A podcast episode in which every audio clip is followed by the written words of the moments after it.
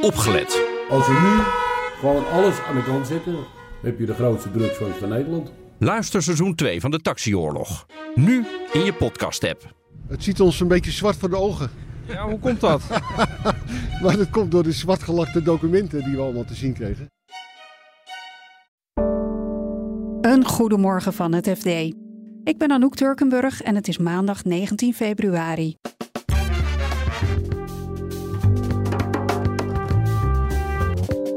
Giftige werkcultuur bij het ministerie van VWS. Je hebt die hiërarchie, je hebt, iedereen doet in de praktijk heel aardig tegen elkaar.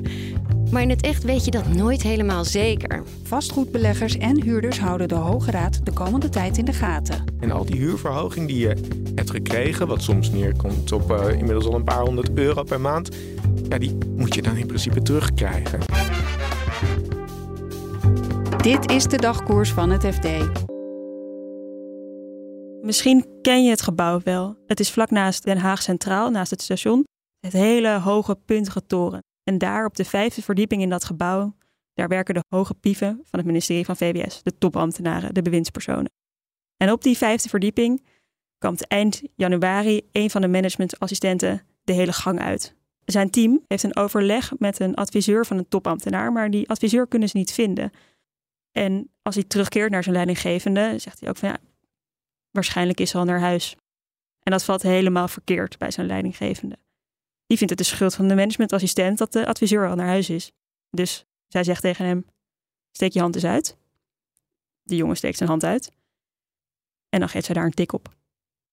Je hoort hier politiek verslaggever Puxie. Zij vertelt over een incident dat plaatsvond op het ministerie van Volksgezondheid, Welzijn en Sport.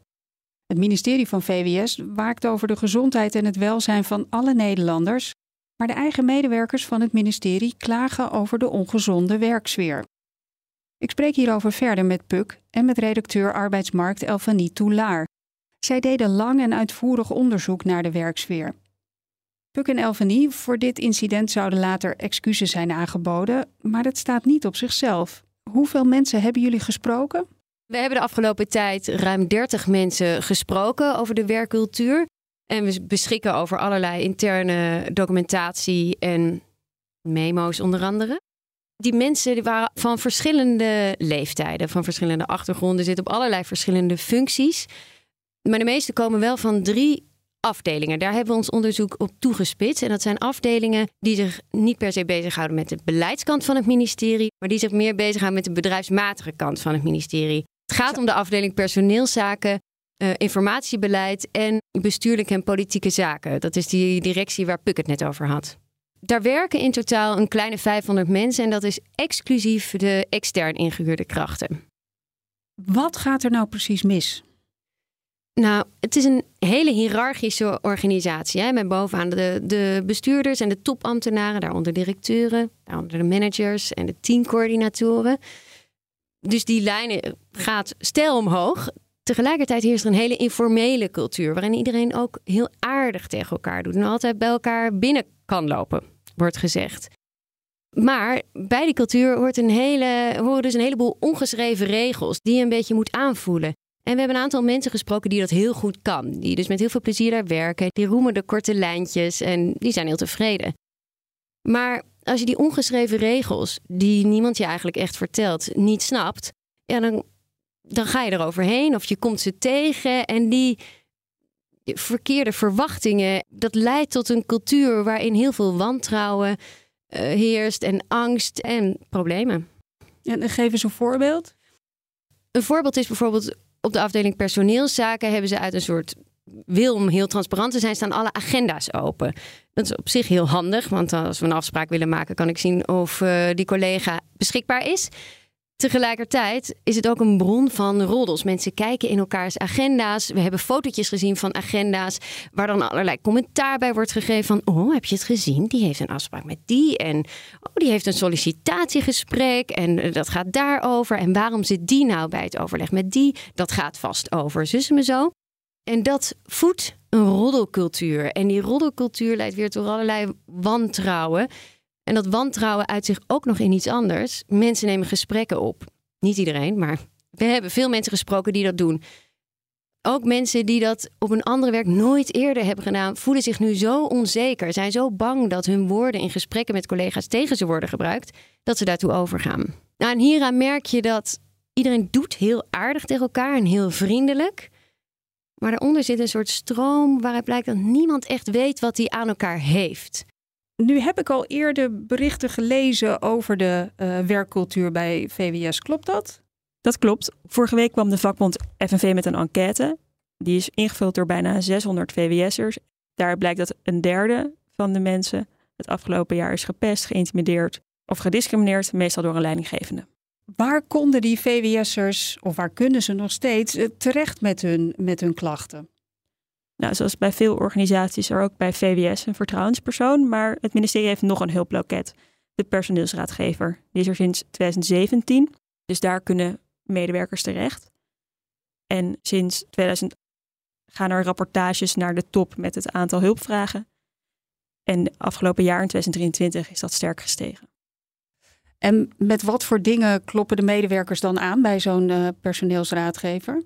Zij ervaren dat mondige en kritische medewerkers worden weggepest, dat er niet integer wordt omgegaan met uh, ziek uitgevallen medewerkers. Het gaat over het uh, verbale en non-verbale gedrag van bestuurders. Dat zijn zaken die in die interne stukken naar voren komen. Wat gebeurde er vervolgens met die, ja, met die hulpvragen die bij die personeelsraadgever belanden? De ambtelijke top en de leiding is herhaaldelijk op de hoogte gesteld uh, van de signalen van ongewenst gedrag. En medewerkers zeggen tegen het SD dat zij de top nooit zagen ingrijpen om de werkcultuur fundamenteel te veranderen. Wat zegt VWS nu zelf over, nou ja, over jullie bevindingen? Nou, we hebben het ministerie natuurlijk gevraagd om een reactie. En zij laten weten dat zij het heel pijnlijk en confronterend vinden dat er VWS'ers zijn die zich bejegend voelen of, of onveilig voelen.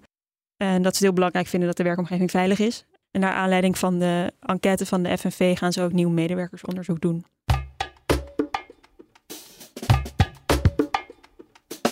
En dan de vastgoedmarkt.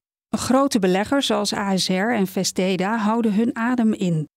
Want door uitspraken die rechters onlangs deden, zouden zij de huren niet meer zo makkelijk kunnen verhogen en hebben huurders mogelijk jarenlang veel te veel huur betaald.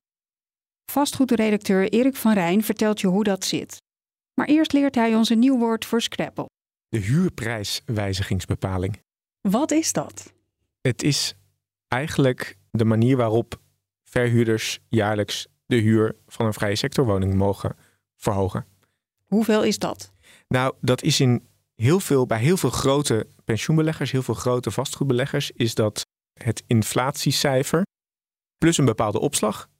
En uh, die opslag die uh, kan variëren tot maximaal 3% tot maximaal 5%.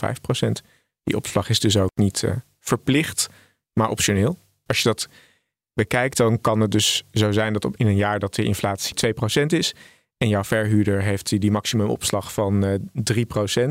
Dan mag de verhuurder dus jouw huur met maximaal 5% verhogen in dat jaar.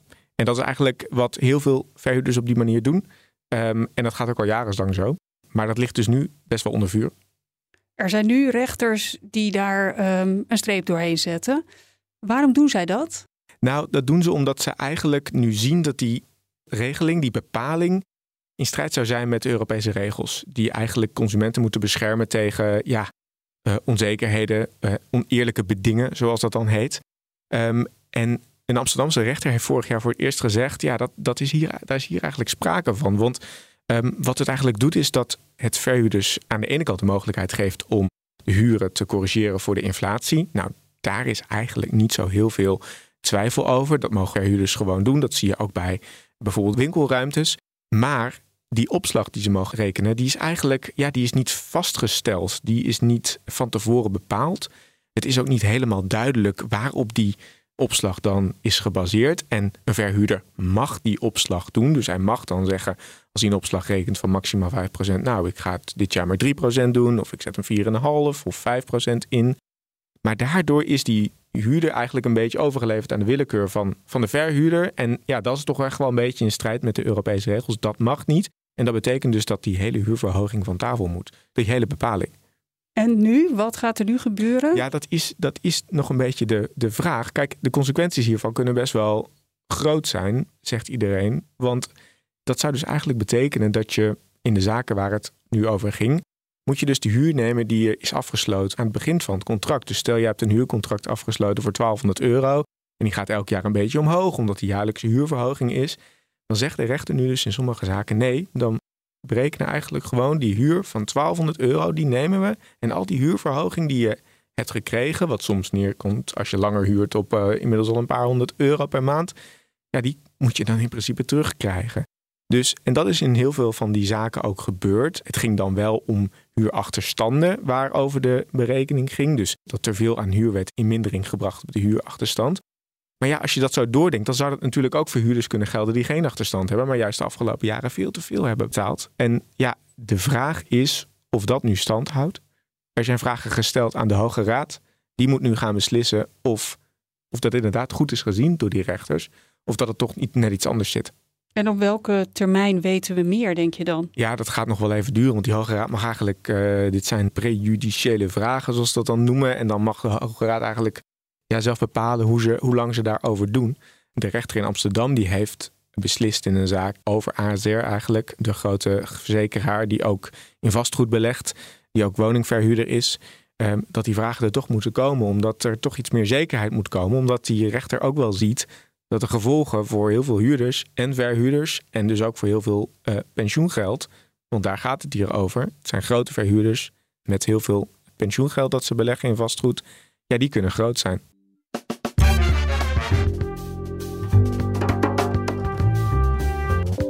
Dit was de dagkoers van het FD. Morgen zijn we er weer. Het laatste financieel-economische nieuws vind je in onze app. En voor nu een hele fijne dag en graag tot dinsdag.